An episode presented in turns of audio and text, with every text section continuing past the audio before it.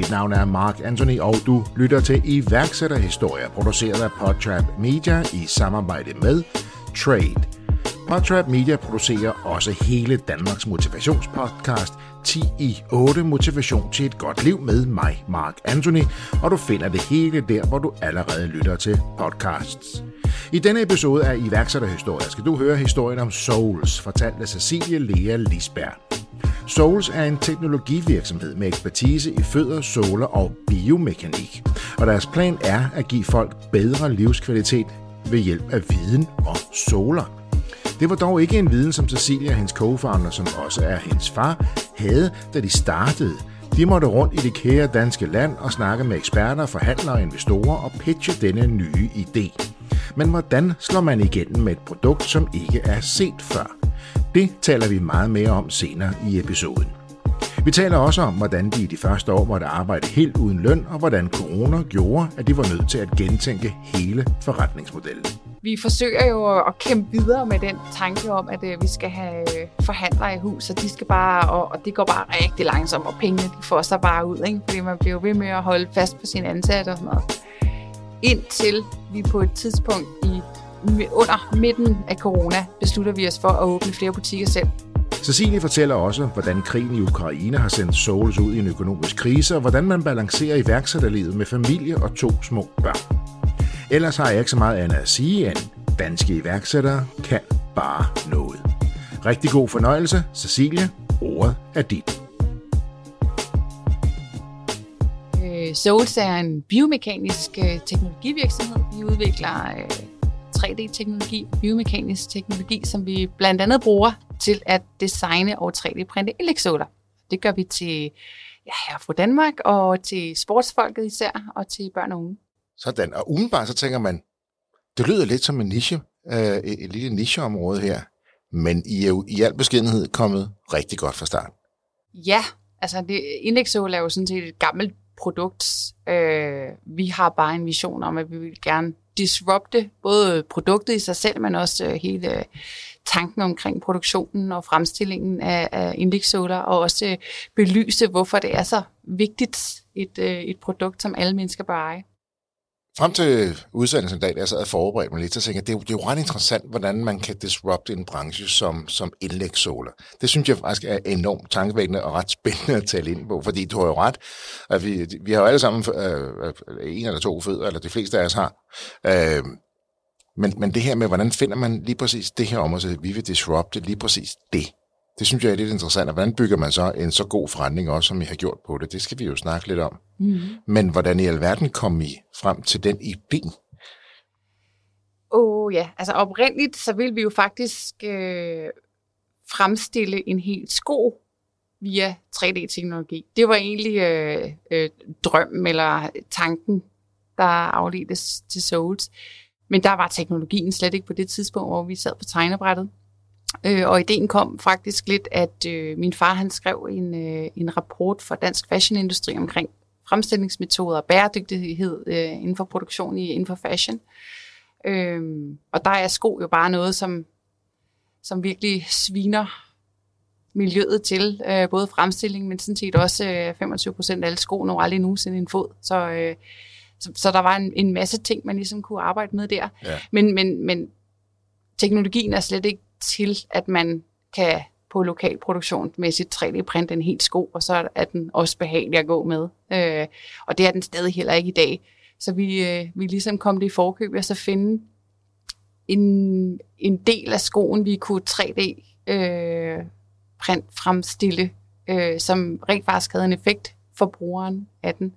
Og det er jo så der, hvor man rører ved skoen allermest, og det er så solen. 25 procent af alle sko, der bliver produceret, rører aldrig en fod, siger du. Og det er jo også nogle ret skræmmende tal, også du informerer mig om inden. Altså, det er det halvdelen af sko, der, der bliver returneret, altså hvis fejlkøb på grund af fejlstørrelse. Ja, eller på, på e-commerce ja. ja. Så det er halvdelen af de sko, som bliver sendt frem til os, som vi ikke skal bruge, de, de bliver brændt. Ej, altså halvdelen af dem, de bliver så returneret til, til webshoppen igen, ikke? Okay. Sådan på Ej, nu skal jeg heller ikke gøre det værre, end det er, men der er, jo der, der er noget med, der er en ret stor del af, af dem også, der heller der bare bliver destrueret. Ikke? Jamen helt sikkert. Især nogle af de store kæder, som Zalando for eksempel, som har utrolig lang returneringstid. Så hvis du beholder en sko øh, halvdelen af en sommer, før du returnerer den, jamen så er den sæson for den sko næsten allerede ude, så er de nødt til at sælge den til måske halv pris, fordi de er kommet dertil. Øh, ja. Fordi det er jo fast fashion, det er det, man typisk sælger på, på Zalando og andre e-commerce platforme. Så, øh, så den sko, den når aldrig nogensinde øh, til sin fulde pris. Øhm, så det er en svær branche generelt e-commerce øh, at lave et godt overskud på den front. Du har startet det her med din far. Ja. Øh, hvad er jeres baggrund for at kaste ud i det her? Ja, vi ved ikke noget om fødder. vi gjorde ikke. Vi vidste ingenting om fødder. Vi vidste ikke noget om øh, anatomi, for den der skyld, eller biomekanik. Vi er begge to meget øh, sportsfolk, og jeg har selv gået med indlægsøvelse, siden jeg var 13, som jeg fik af min kiropraktor. Jeg har spillet basket i mange år. Øh, min far spiller fodbold siden den, han kunne gå og gøre det stadig. Øh, så... Øh, så, så det eneste, vi vidste noget om, det var soler, hvor irriterende det er at bruge, øh, fordi det ikke passer til noget af det, vi gerne vil gå i, og det, vi rent faktisk skal bruge det til. Øh, det var sådan set det, vi vidste om soler. Så øh, vi kommer begge to, jeg kommer fra marketingsbranchen, og min far kommer fra IC-branchen, så... Øh, men vi havde begge to mod på at prøve det her. Så, men vi skulle ligesom ud, de første par år brugte vi jo rigtig meget på blandt andet DTU, som havde 3D-printer, for det vidste vi heller ikke noget om. Øh, og så skulle vi jo sidde skødet, på skødet af fysioterapeuter, fodterapeuter, og bandagister og ortopæder. I, I, I uh, bruger flere år på research. Ja, det gør vi faktisk. Og samtidig altså, være fokuseret på at bygge en forretning op, tro så meget på konceptet, som er at producere en personlig sol, indhent viden, indhent viden. Mm. Altså, I har ikke noget software på det her tidspunkt. I har ikke den, den færdige teknologi, men I troede på konceptet. Ja, vi vi kunne se et hul i markedet, og vi kunne se en... Vi vidste, at der ville blive en større efterspørgsel på det, og vi vidste, at der ville være øh, window of opportunity i forhold til den viden, vi havde på teknologi, at den kunne løse mange af de her problematikker, som der vi vidste var begyndt at opstå. Hvordan bevarer man motivationen? Hvordan bliver man ved med at være fokuseret? Hvordan bliver man ved med at tro på det, når man igen og igen skal bruge så meget tid på at indhente viden. Du selv siger, vi vidste ikke noget om fødder og biomekanik, men vi så et hul i markedet. At hul i markedet, var det fordi, er det Blue Ocean, fordi der var ikke rigtig nogen, der, der gjorde det, som I nu gør? Ja, altså på indekssolmarkedet er der jo ikke nogen mastodonter sådan i, øh, Nej, det er sådan, det, det er sådan noget håndkøb, ikke? Det er sådan en større Det er jo rigtig meget ja. no-label ja. derude, ja. Ikke, hvor folk de står og, og sliber på noget. Øh, og så til sidst så bliver det en eller anden ekspert, der har vurderet, at du skal have noget, der hedder øh, en hævning der plus minus lidt, ikke? Ja. Øhm, hvor at vores er ikke noget plus minus lidt. Det er, øh, det er præcist. Præcist. Og jeg vil sige, rigtig meget af tiden, jeg bruger ordet held rigtig meget, for jeg føler, jeg føler mig rigtig heldig, at øh, mulighederne dropper ned, mens vi mindst venter det. Øh, og selvfølgelig er vi været rigtig gode til at gribe dem, men øh, vi landede nogle rigtige steder, og vi landede blandt andet også øh, øh, til var en del af da danske nu, hvad hedder det, sports, Dansk Idrætsforbunds øh, Innovation Lab, de startede op, blev vi en del af det, og de stiftede så Sportstech Danmark, og de første events, øh, da de ligesom blev stiftet, jamen der kom vi jo i tale med Brøndby for eksempel, og fandt ud af, at der var faktisk et ret stort behov. Øh, og ja, så startede det ligesom, okay, sporten, og selvfølgelig er fodbold øh, et, et, et stort marked, fordi i dag er det jo kunstbaner, de fleste af dem øh, løber på, ikke? Øh, fodboldstøvlerne, ikke frem, fordi de er særlig øh, støddæmpende, eller decideret overhovedet ikke lavet til en fod. Vel? Øh, så vi, vi tog ligesom muligheder for, okay, hvis vi kan, vores scanning er så præcis, at vi kan se tendenser i en fodstilling også, så vi kan også udregne sandsynligheden for nogle øh, knæskavanker senere hen. Ikke? Og så tænker vi, okay, det kan godt gå hen og blive relativt værdifuldt for klubber, at vide, om de laver en god investering, eller øh, om de har nogle spillere, der måske skal have lidt, lidt støtte i deres sko, øh, for at kunne øh, undgå øh, at få meniskskader. Og det er jo lidt flippet i rent faktisk, at sige, med den, det løb, øh, den, den, den løbetype, eller det gå, gå mønster, du har, der kan sige, hvis du bliver ved med det på den måde, og mm. det er man jo nødt til, fordi det er jo svært at regulere sig selv, Præcis. så kan det her rent faktisk ske. Ikke? Du ja. kan få en slideskade, det, der kan ske noget med din menisk, eller hvad, mm. nu siger jeg bare et eller andet. Du må, Korsbånd, ja. Korsbånd, er det rigtigt, hvad jeg yes. siger? Okay. det er jo lidt interessant, eller meget interessant, lidt flippet, at I rent faktisk kan fremskrive det her. Mm. Og så sige, du er i risiko for, at det her sker. Når du så taler om øh, fodboldspillere i det hele taget, men især professionelle, som har en ret høj værdi, som mm. siger, de der, ligegyldigt hvor små de her risici er, eller marginalerne, så kan, er det jo afgørende. Ikke? Det er det. Men hvordan sparker I dørene ind til Brøndby, øh, til, til, til sport, til sporttech-verdenen? I kommer her fra IT og, og, og marketing. Mm. Vi ved ikke om biomekanik og fødder og solar. Alligevel har I set noget. Alligevel bliver ved med at tro på det. Alligevel får I fat i bandagister og fysioterapeuter og hvad ved jeg, og får dem i tale og får lov til at tappe, tappe deres viden. Ja. Hvordan gør I det? I kommer der som siger, hej, vi hedder Cecil, nu skal jeg høre, vi har en idé. Vi har, vi har ikke lavet noget produkt endnu, men vi tror på det. Ja. Må vi få det af jeres viden? Ja. Altså jeg tror lige præcis de her, det er jo øh, niche-eksperter, der er ekstremt øh, ærkær omkring deres fag. Så de, vil, så de er også meget stolte af det. Øh, så, så det har faktisk ikke været noget problem. De fleste vil jo rigtig gerne åbne dørene og dele deres viden ud. Ikke? Øh, og vi har jo også hele tiden sådan forsøgt at sige, men vi er jo ikke en direkte konkurrent til dig. Vi, vi forsøger bare at lave et redskab, øh, ja. som du kan bruge hen senere, senere hen. Ikke? Ja, for jeg tænker også, jo, jo, jo flere I taler med, jo, jo flere I er nødt til at fortælle om jeres produkt, som ikke er færdigt endnu. Mm. Med den risiko, at nogen siger, det var vel nok en god idé. Ja. Jamen, vi, vi, øh, vi startede også selv, altså selv da teknologien var ekstremt lav stadig, vi forsøgte egentlig at lave noget proof of product, proof of concept på baggrund af, at vi faktisk ikke havde udviklet teknologien endnu, ikke? så det var sådan et fiktivt, hvad vi egentlig gik og lavede, øh, fordi alt var meget manuelt. Øh, og så øh, skete der det øh, heldige, hvis man kan sige, at vi pludselig fik øh, kontakt til ASICS, eller rettere sagt ASICS øh, så pludselig vores vej, øh, fordi de var i gang med samme, øh, havde samme filosofi omkring det der med sport og biomekanik og sådan ting. Øh, og ville have os ind i noget øh, accelerator øh, program, de ligesom havde nede i Spanien. Altså ASICS, vi snakker om løbeskosproducent. Ja. Øh, men vi endte så i sidste vers inden kontrakt, der blev underskrevet, øh, fordi det var mere eller mindre, så skulle vi nærmest give vores virksomhed væk, efter vi havde været igennem det her accelerator-program. Ikke? De skulle øh, de skulle sætte prisen, de skulle så også have en rabat af den, ikke? Ja. Øh, af virksomheden til sidst. Så vi, vendte, vi endte faktisk med at, at sige nej tak, og så, øh, så fortsatte vi egentlig vores egen vej derefter. Men alligevel gav det jo sådan et, okay, hvis, vi, øh, hvis der er folk, der kigger til os hele tiden, ikke?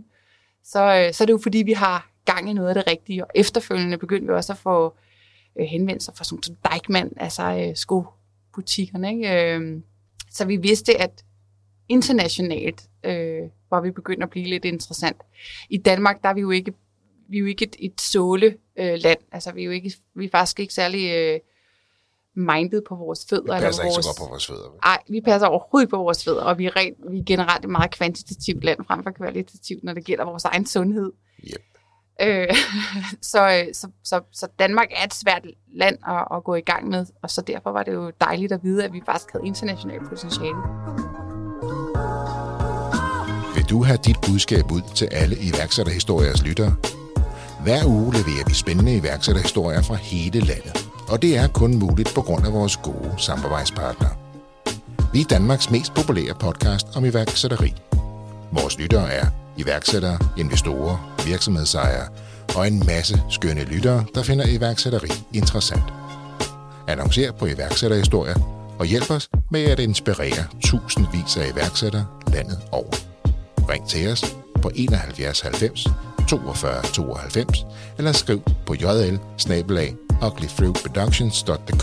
så kontakter vi dig og finder den bedste løsning. Tak fordi du lytter til iværksætterhistorier. Men det er et dansk firma, dansk baseret, og produkterne produceres i Danmark. Yes. Det har I holdt fast i. Hold fast og tak for det. Jeg, jeg, jeg er bare lige nødt til at gå lidt tilbage til den historie der. Altså, igen, i har ikke færdigudviklet teknologien. I har en tanke. I har et koncept. I har talt med en masse eksperter. I er blevet klogere. Ja. Software er ikke færdigudviklet endnu. I har ikke, reelt ikke produceret den første sol, det færdige produkt endnu. Mm. ASICS, en af de absolut største giganter inden for løbesko, finder jer, tager fat i jer og siger, hey, I skal med i vores program, og vi vil gerne lave en aftale med jer. Og så ender jeg op med at sige, den klarer vi selv. Det kræver da også noget is i maven. Ja, man kan sige, at på det tidspunkt havde vi jo ikke rigtig noget at sælge, andet end en, en idé og noget, noget teknologi på noget Men du også tænker, ASICS står der, og jeg tænker, accelerator om ASICS, altså next step the world, altså. Så kan det godt være, at vi fik lidt mindre ud af det, men de kunne hjælpe os ind alle vejen. Og alligevel så tænker så er I så tro mod jeres koncept og jeres fokus, at I, I siger nej? Ja. Det har jeg stor respekt for. Jeg ved ikke, om jeg har haft lige så meget is i maven til det. Nej, ja, ja. Nogle gange kunne jeg da godt tænke, at vide, hvad der ville have været sket, hvis der var, øh, vi havde sagt ja på det tidspunkt. Ja. Men jeg tror bare, at det var måske for os at, at øh, tage munden for fuld i forhold til, hvad vi, øh, hvad vi egentlig ville, og, og så ville det jo blive på deres præmisser, øh, og det ville vi ikke. Øh, der, der tror jeg bare, at vi havde en anden vision for, for produktet. Og for tro mod jer selv og jeres vision. Ja. Og var villige til at løbe den risiko, som det jo især på det tidspunkt jo var. Absolut. Du arbejder sammen med din far. Ja. Og I har bygget det her op, og nu er der jo, nu er der jo lidt flere end både dig og din far, ikke? Ja. Hvor står I efterhånden blevet? Jamen, i starten var det jo bare mig og min far. Det var faktisk en del år øh, til at starte med. Så havde vi min søster med også, som ja. er programmør. Øh, og øh, hun hoppede sådan lidt ind og ud, var mest på, øh, på, på lønningslisten øh, og konsulent, på konsulentbasis. Og øh, nu er vi så, hvad er vi? Jamen, vi er jo fem i kerneteamet, som vi kalder det. Og derudover så er vi jo så produktion og sælgere, ja. som jo er øh, fysioterapeuter og, og, øh, og et produktionsteam også. Ikke? Øhm, så nu er vi 12. Det. Hvordan er det at tænke over det? Er der lige pludselig ikke hul på byen, når nu er I her? Ja, øh, jamen, det er stadig vildt. Altså, nogen, ja, man er nok, jeg har stadig svært ved at gå fra, fra hele den der iværksætter-tankegang om, at jeg skal have en finger med i alt. Altså, fordi det havde jeg jo til at starte med. Der var det jo både mig, der øh, øh, altså sendte solerne afsted, og min far, der tog opmålingerne, og vi printede, og vi lavede det hele, og vi gjorde rent på gangen af kontoret, og øh, til pludselig at skulle... Øh, Være ja, chef. Ja, og give nogle af opgaverne fra en, ikke? det er ekstremt sensitivt. Hvordan går det med det? Bedre. du er opmærksom på det. ja, jeg tror godt, der er en masse administrative opgaver, jeg kunne øh, læse af på nogle andre, men det bliver et små steps. Det var fokus på det. Ja. Hvordan, øh, det, det lyder jo ikke nødvendigvis særlig billigt, det I sætter jer for at lave. Altså tre stykker software, en produktion mm. af et produkt helt fra bunden. Altså en teknologi, der skal udvikles helt unikt. Altså I, I tager jo ikke noget eksisterende teknologi og kobler. Alt skal laves fra bunden. Fordi I har set et hul i et marked, som for eksempel, som reelt næsten ikke eksisterer endnu, men I har set det. Mm. Hvordan i alverden finansierer I det i flere år? Vi får ikke løn. Eller fik ikke løn. ja, det er så, der kommer ikke penge ja. ind, men der går jo penge Der går jo ekstremt mange penge ud, ja. Jeg var heldigvis så heldig, at jeg studerede, da vi startede virksomheden. Og jeg, vores første finansiering kom fra et legat, jeg fik fra Fonden for Entreprenørskab, som øh, finansierede noget af det, vi kalder for Inco i dag. Øh, det tredje stykke. Det tredje stykke ja. software, ja. Så det var jo sådan set startskuddet, og så øh, lige kort tid efter, så var Pre-Seed Ventures øh, inde og, øh, og give det første Pre-Seed-lån, også da vi nærmest bare var en, en tanke, men de så jo bare, at det her, det kunne øh, godt gå hen og blive rigtig interessant. Så de gav sådan set det første lån, som var gjorde det muligt for os at komme i gang med, med andet stykke software også. Og, og der er I, I ikke henvist med den reelle produktion endnu overhovedet? Nej, der, der, vi 3D-printer på det her tidspunkt. Det har vi sådan set gjort fra starten af. 3D-printet. Okay. Øh, det vi så ikke gjorde fra starten af, det var 3D-scannet. Øh, så i starten, der var det jo noget med proof of product først. Nu skulle vi først vide, at vores, vi rent faktisk skulle producere nogle såler ved hjælp af vores øh, kommende, eller vores igangværende Inco-system. Så der var vi stadig nede på alle fire mål, folks fødder op. Øh, og så prøve at lave noget der. Øh, og det udviklede sig, så, så kom 3D-scanningen, og så til allersidst kom Sola, som er den her chatbot. Og hele ideen har jo været, at alt skulle automatiseres. Altså der skulle ikke, der skulle ingen menneskelig involvering være, udover at skulle sende pakken til allersidst. Øh, og selv det kan man jo nærmest i dag få robotter til. Ikke? Men, men, øh, men, men ideen var, at der absolut ingen lønningsudgifter i princippet skulle være på at bestille en sål til den ligger i dine øh, sko. Og øh, fordi i dag er, er indlægssåler et ekstremt manuelt produkt. Ikke? Du er afhængig af, at der er nogen, der øh, køber noget, sliber på noget, måler dine fødder, har en, en samtale med dig, kigger og sliber efter, alle de der ting. Øh, og så er det et ekstremt dyrt produkt. Ikke? Du skal have over jeg 2.000 og 3.000 kroner koster et par indlægssåler jo i dag, hvis du går ned til nogen, der laver det helt fysisk manuelt. Ikke? Jo, jo, jeg har både et barn, der har været igennem det, og, og, og en mor, som også har brugt det. Det er, det, det er ikke billigt. Nej, det er ikke billigt. Nej. Øh, men jeres produkt er jo billigere. Meget billigere. Ja, vi skulle gerne øh, være under halv pris. Sådan, det finansierer I for ingen løn, så, så kan man så sige, hvad lever jeg så af? Men du sidder og hører i dag, så I, I klarede det jo. Det gjorde vi. de, de indledende investeringer, I får, øh, det kaster I simpelthen i udvikling af, af, af softwaren. Ja. Og I begynder, hvis ikke at producere, men I begynder at 3D-printe, så I kan færdiggøre produktet. Mm. Tidsmæssigt, hvor er vi henne lige nu? Jamen, Sola kommer på. Øh, Sola starter jo lige inden øh, corona i, i start 2020, og udviklingen af hende øh, starter allerede tilbage i start 19. Øh, og hun er jo sådan set sidste skridt. På det her tidspunkt, der, øh, stift, der starter vi også Orto, vores algoritmeprogram, øh, og har nogen inde også. Øh, og der ansætter vi jo også folk til at, at lave den type algoritmer. Mm. Øh, så altså, indtil nu har alle vores øh, omkostninger været på lønninger i forhold til, altså til udvikling. Til eksterne, ja. Ekstern, og, øh, og sådan set også internt, for vi hyrer jo ind vores eget team øh, af programmører og biomekaniske ingeniører til ligesom at, at få øh, sola i hus. Og jeres umiddelbart, den, den kundegruppe, I identificerede, da det hele starter?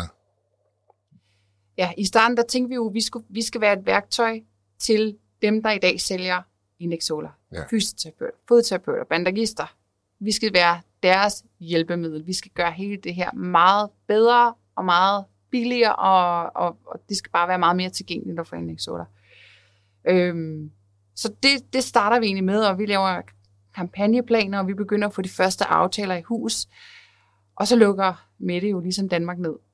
Og øh, så halvdelen af alle vores aftaler, de ryger så, fordi folk de tør ikke investere lige pludselig, fordi de får ikke nogen kunder ind. Og, Nej, jeres forhandlere som Ja, I, vores forhandlere. Øh, og det hele var bygget op til, at det skulle være via forhandlere ja, ja. af, af hele vi skulle være teknologivirksomhed, ja. vi skulle levere en teknologi, og andre skulle øh, formidle det. Og de springer sig fra, og det kan man jo så godt forstå, fordi ja, ja.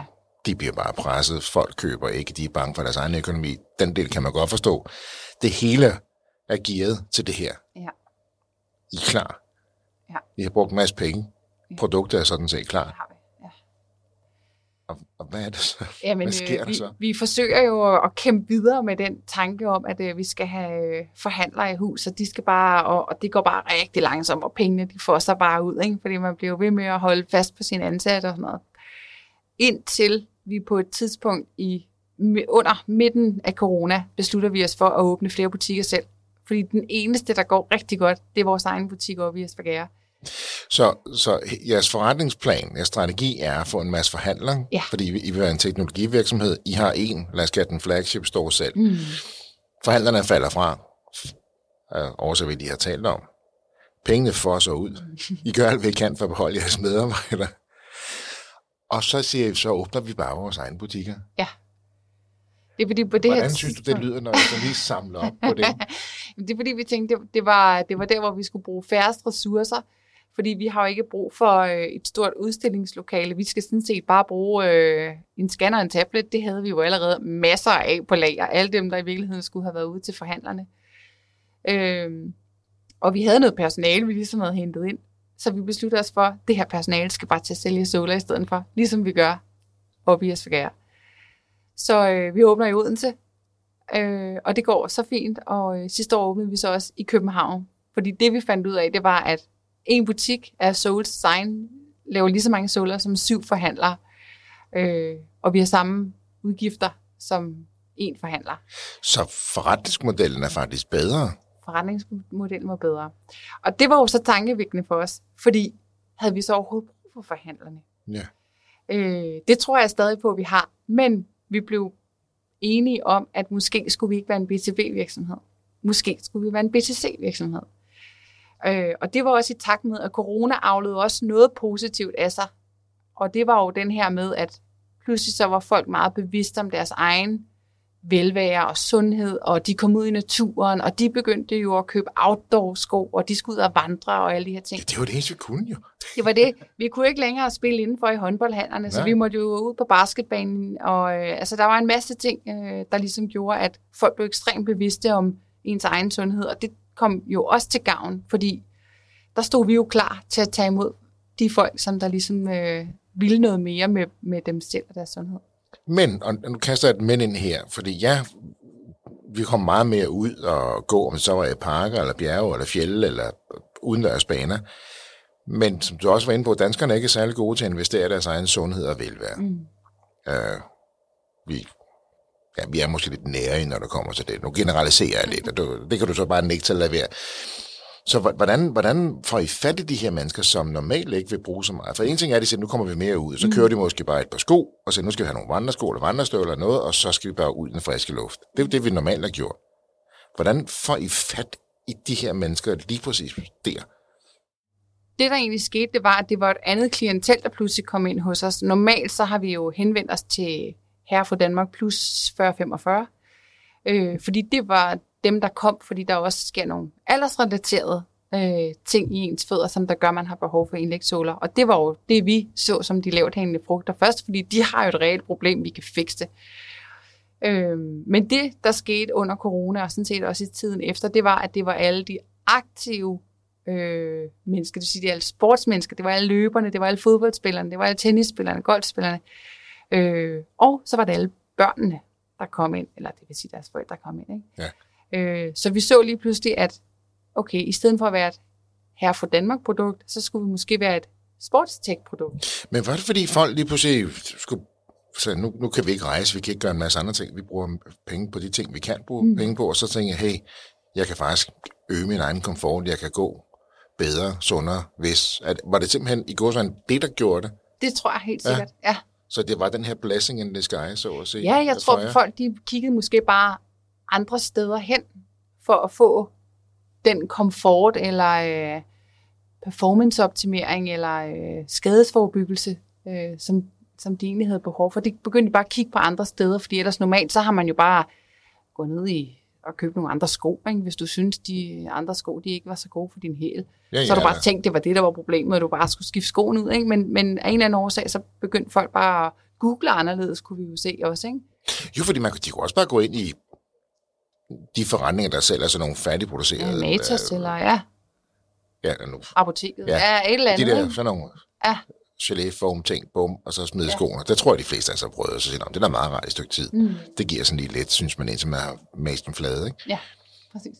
Men alligevel så vælger de så at sige, at vi vil gerne opgradere, vi vil gerne gå op, vi vil gerne bruge sammenligning med de soler, vi nævner de her, markant flere penge på det.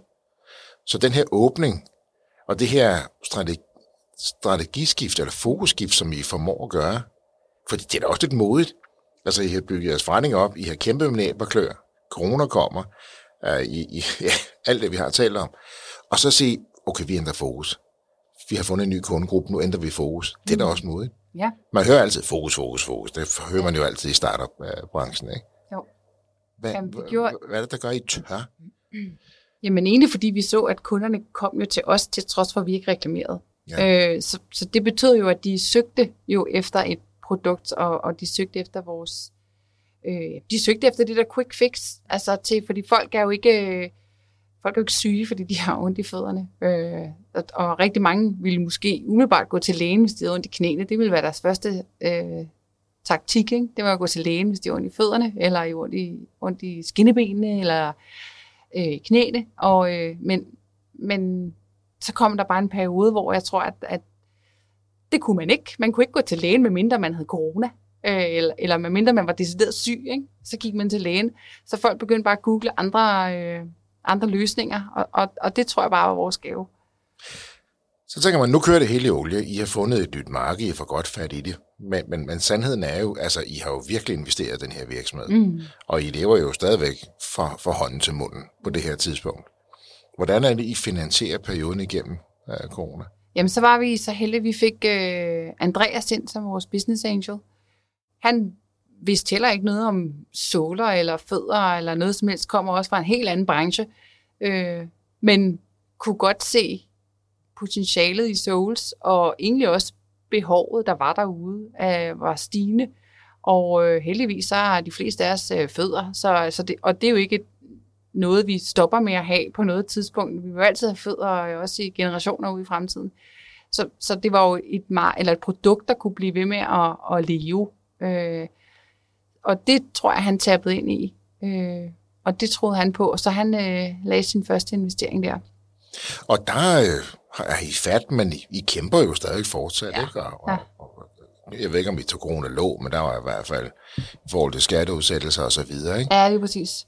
Ja, men i slutningen af corona, der får vi jo så faktisk øh, to investorer ind mere.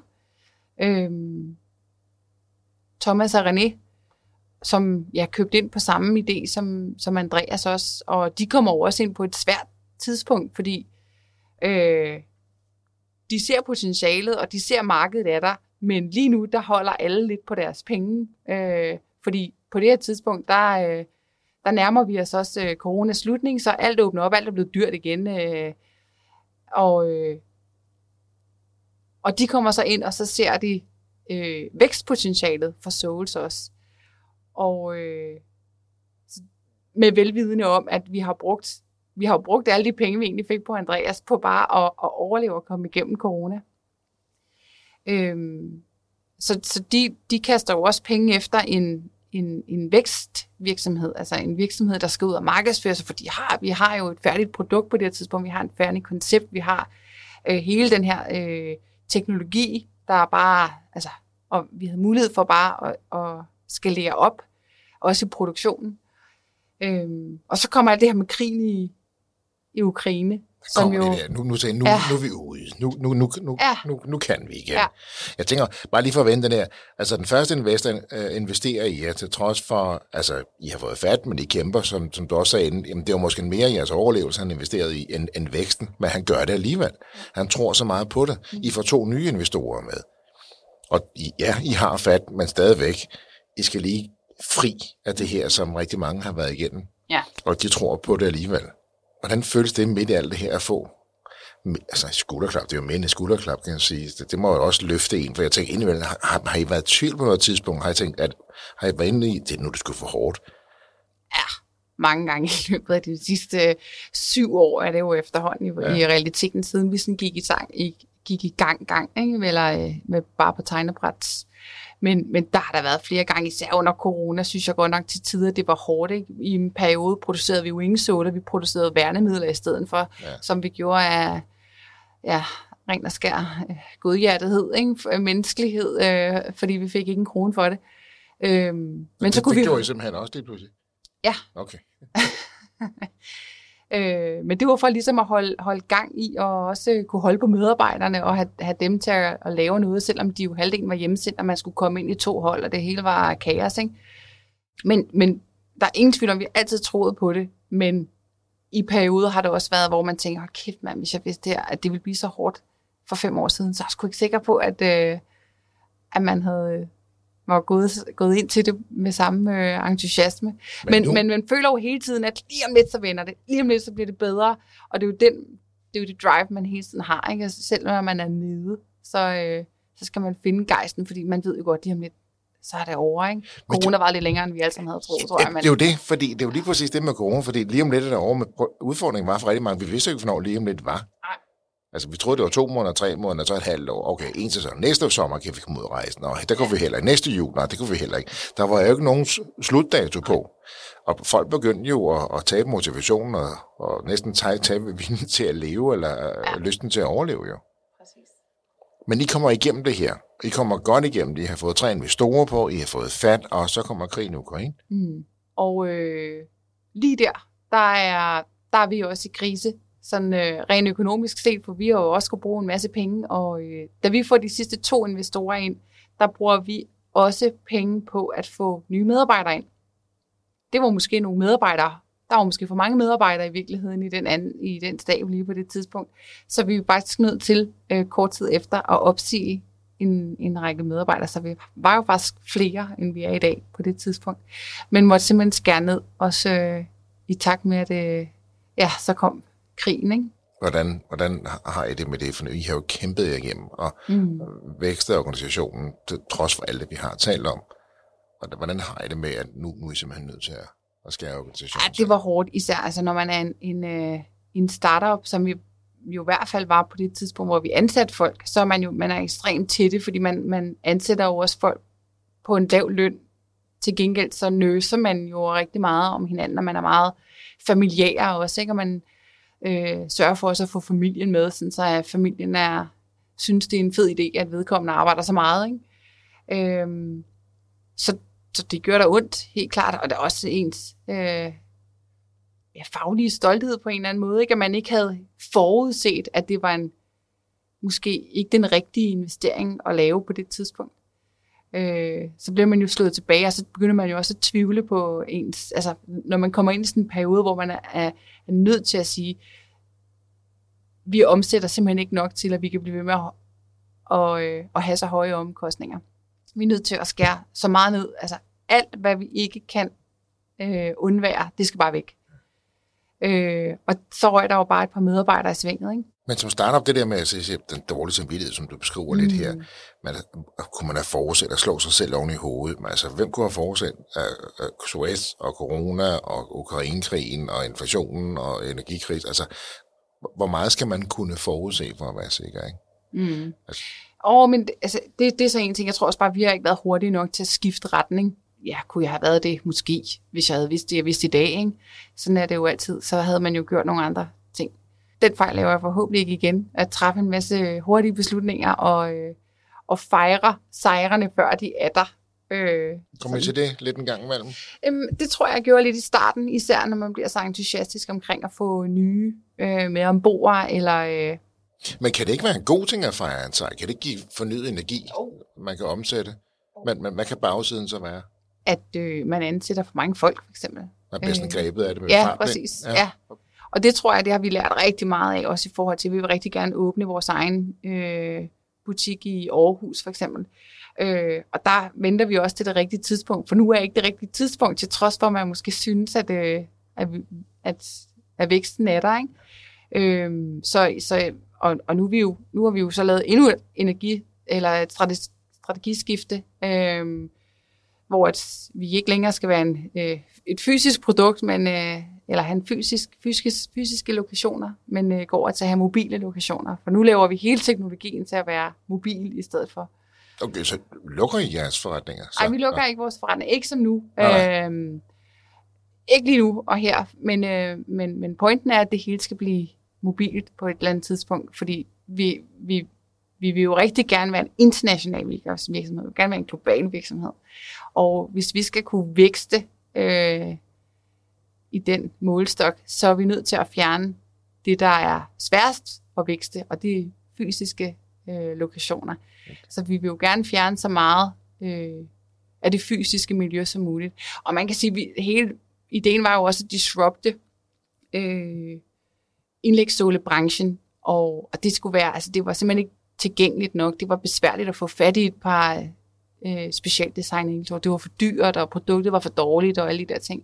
Så hvis vi stadig skulle have kunder ned i et fysisk sted, hvor de skulle booke tid inden og alle de her ting, så har vi jo ikke disruptet noget. Bare fordi de har valgt at gå fra bandagisten over til os, så er vi, altså, det er jo ikke en disruption. Øh, så derfor så har vi tænkt, okay, hvornår er det egentlig, øh, at vi skal have fat i folk så? Det er jo, når de har tid. Og øh, så derfor så laver vi, udnytter vi så teknologien på vores mobiltelefoner heldigvis er kommet så langt, at vi nu kan scanne folks fødder hjemmefra. Og det er jo så den øh, proces, vi er gået i gang med nu, ikke? fordi den er jo eskalerbar. Så hvad er jeres, hvad er jeres planer nu for den kommende tid? Åh oh, ja, men øh, vi, øh, vi fik jo bare så heldig at få en, en endnu booster her som fra Innovationsfonden her i starten af sommeren, og den skal jo så finansiere, at Sola kan gå mobil Øh, og det kommer hun så til en gang i starten af næste år, øh, hvor man så kan scanne sin ved hjemmefra. Og øh, ja, hvad er så derefter planen? Bare vækste. Så skal vi ud og ligge på andre platforme også. Øh, I virkeligheden kan man få Sola til at ligge på Zalando eller andre. Vi har selvfølgelig lavet hende, sådan, så at hun er en webapplikation, det vil sige, at man kan integrere hende på andre platforme også, sådan så at øh, ja, Brøndby kan have sin egen øh, sola liggende på, som kun scanner til fodbold. Så det er et spørgsmål om at have fat i de her store sites og Ja, de her præcis. store klubber osv. Ja, lige nu går vi meget sports, øh, sportsbranchen, det vil sige, at vi allierer os rigtig meget med andre sportsklubber, eller communities, eller øh, øh, foreninger, og Ja. øh, ambassadører, og ja, det er den vej, vi, øh, vi, øh, Vi vi, nu. snakker. Ja. Vi skal også lige vende dig, Cecilie. Fordi øh, du, så, inden vi starter her, sådan, jamen, der, der lever lidt i skjult. øh, Din far og dig, de har fået, I har fået den her idé, I, by, I bygger Souls op. Men, men du er jo blevet opdaget. Det er jo ikke lykkedes dig 100% der, at, at bare være sådan, Gå langs panelerne. gør, gå langs panelerne og få bygget Souls op. Uh, du er jo også netop lige nu her i 23 blevet udnævnt til en af de 25 danske kvindelige iværksættere, man bør kende. Ja, Så du er fundet. jeg har fundet. Hvordan er det? Det er dejligt. Øh, angstprovokerende, at der er nogen, der kigger med, hvad jeg går og laver. Men, øh, men selvfølgelig vildt dejligt at blive anerkendt, og øh, også øh, bare fantastisk, at der er så meget fokus på kvindelige iværksættere, vi også kan. Ja, for pokker. Og nu kommer du lige pludselig i vælten og i fokus, og som dig. Ikke bare Souls, Souls selvfølgelig, ja. Ja. Og, og på grund af det, du og din far har skabt Souls. Men, men nu er det jo dig og den du er, Mm. der også bliver fokuseret på. Og det vil sige, nu skal du til at tale meget mere om dig selv, og ikke bare Souls. Ja. Altså, det skal du ikke nødvendigvis, men det, det kommer du jo. Du, nu, nu gør vi det jo nu. Ja. Uh, hvordan har du det med det, at være knap så privat? Åh, det tror jeg lige har øh, stadig tilvændingsperioden. Øh, men, men altså, det, det, indtil videre har det været okay. Øh, heldigvis bestemmer jeg selv, hvad jeg vil dele, og hvad jeg ikke vil dele. Ikke? Men, men, øh, men det er klart, det er angstprovokerende. Jeg har det bedst bag en, øh, bag en computerskærm. Øh, og bare sidde og udvikle og, og designe koncepter og sådan noget, og øh, skulle frem i felten på den måde, det har der været lidt angstprovokerende. Men øh, Men det har også en stor betydning for startup-miljøet, og ikke bare det kvindelige, og, ikke, ikke, ikke, altså, og især det kvindelige startup-miljø, at, at du er udnævnt til de fem, som man bør kende. mm, Som ser op til at kende og kigge på, hvad du har gjort, hvad du har skabt som kvinde, fordi det er jo det, er jo det også, der er enormt vigtigt mm. her. Ikke? Um, så det her med, at der er nogen, der, der ser dig, og du kan inspirere andre, det er jo også en, der skal løftes, kan man sige. Ikke? mm. Hvilke råd har du så at give? For nu er du kommet fokus, også som dig, Cecilie. Ja. ja. Åh, oh, hvilket råd. Jeg har mange råd, men øhm, jeg tror bare, det, det er super vigtigt at være tro mod, øh, mod sig selv og ens mavefornemmelse. Der er fandme en årsag til, at man har den. Øhm, jeg tror, at øh, iværksætter har også en er meget tidsoptimistiske. Jeg tror også, at øh, jeg er rimelig sikker på, at min far og jeg, vi havde troet, at vi havde tre stykker færdig teknologi på øh, maks halvandet år eller et eller andet. Ikke? Fem år senere står man først færdig. Som, altså generelt tror jeg bare, inden for techbranchen er man ekstremt øh, tidsoptimistiske. Øhm, nu ved godt, det hele er trukket ud på grund af corona som ting, men stadig. Altså, vi skød jo væsentligt forbi skiven, ikke? I forhold til, hvad vi havde troet. Så det er også mere, ja, ja være opmærksom på ikke at være for tidsoptimistisk, fordi også med hensyn til ens øh, hjemmefront, ikke? hvis man lægger sit privatbudget efter, at man om seks måneder, så, har man, øh, så kan man hente løn hjem igen, ikke? Øh, så tror jeg, man måske ja, Ja. skal gange den lidt. Så man skal være forberedt på at køre en lille smule længere på literen. Ja, det skal man. Ja. Så og den her tidsoptimisme, det er jo godt at, have, at tro på sit koncept og sit produkt og, og sin succes, men, men tidsoptimismen skal man lige have, have et øje på, siger du. Ja, men ja, lige præcis. Fordi en ting er, hvad du tror, du kan lave på, på et halvt år eller på halvandet år, men, men man kan bare ikke, altså der kommer så mange øh, skud fra højre hele tiden, som både gør, at du er nødt til at skifte strategi, men også, du kan heller ikke vide, om der kommer en øh, pandemi, eller øh, en krig, eller. Produktstigninger, eller restriktioner, eller Brexit, eller et eller andet, som der gør, at man bare bliver sat totalt tilbage. Øh, så, så bare have en, en, en rigtig god buffer på den tidshorisont, du laver, ikke? Og hvad får dig til at stå op hver morgen nu? Åh, jamen jeg elsker det, jeg laver. Til trods for dårlig økonomi, privat økonomi, fordi man har øh, ikke kunne hive løn hjem så længe, det, det gør så nu, ikke? Men, men, i- med en årrække, så har det stadig, drivkraften har bare været enorm, og især efter man også har fået ansatte, hvor man har nogen at møde ind til på kontoret om morgenen, ikke? som ikke bare er ens far. Øh, det, det er også, altså, det, det er så givende at se, at der er nogen, der tror på det, du egentlig øh, har skabt, nok til, at de vil arbejde i din virksomhed og rent faktisk være med til at drive den fremad. Det er, det er givende i sig selv. Så det, det er helt klart noget af det, der jeg elsker at stå op til om morgenen. Og glæde dig til. Ja. Ja. Og så arbejder du sammen med din far. Hvordan er det at arbejde så tæt sammen med sin far? Og ikke bare så tæt over så lang tid, så mange timer, og være så meget igennem, som jeg har været igennem jo. Ja. Jamen, jeg tror egentlig ikke, altså dengang, det var egentlig min far, der ringede til mig og sagde, jeg tror, jeg, altså jeg skal lige drøfte noget med dig. Øh, jeg tror, jeg har fået en idé. Øh, det var hjemme i den på det tidspunkt, både på Sands Brygge, og var egentlig, øh, havde en lille baby og, med en anden en på vej og sådan noget. Øh, ja, jeg tror aldrig, jeg har aldrig nogensinde øh, synes det var mærkeligt at skulle arbejde sammen med min far. Jeg har bare tænkt, det var den største selvfølge. Selvfølgelig, øh, altså, det var jo ideen, der drev os, og vi vidste, vi kunne arbejde sammen. Øh, så... Øh, altså, du, nu kommer du lige med den her lille krølle her, så da han første gang pitchede ideen til dig, der, der, der var du lige blevet mor næsten, og der havde en på vej? Ja. Okay. altså, og var studerende. Og var studerende. ja, og så det er da en rigtig god idé, far. Det gør ja. vi det. Hvordan i alverden har du skabt balance i dit liv? Hvordan har du formået øh, at være mor til to små, som så nu er blevet større jo? Ja, i dag er de 7 og 10.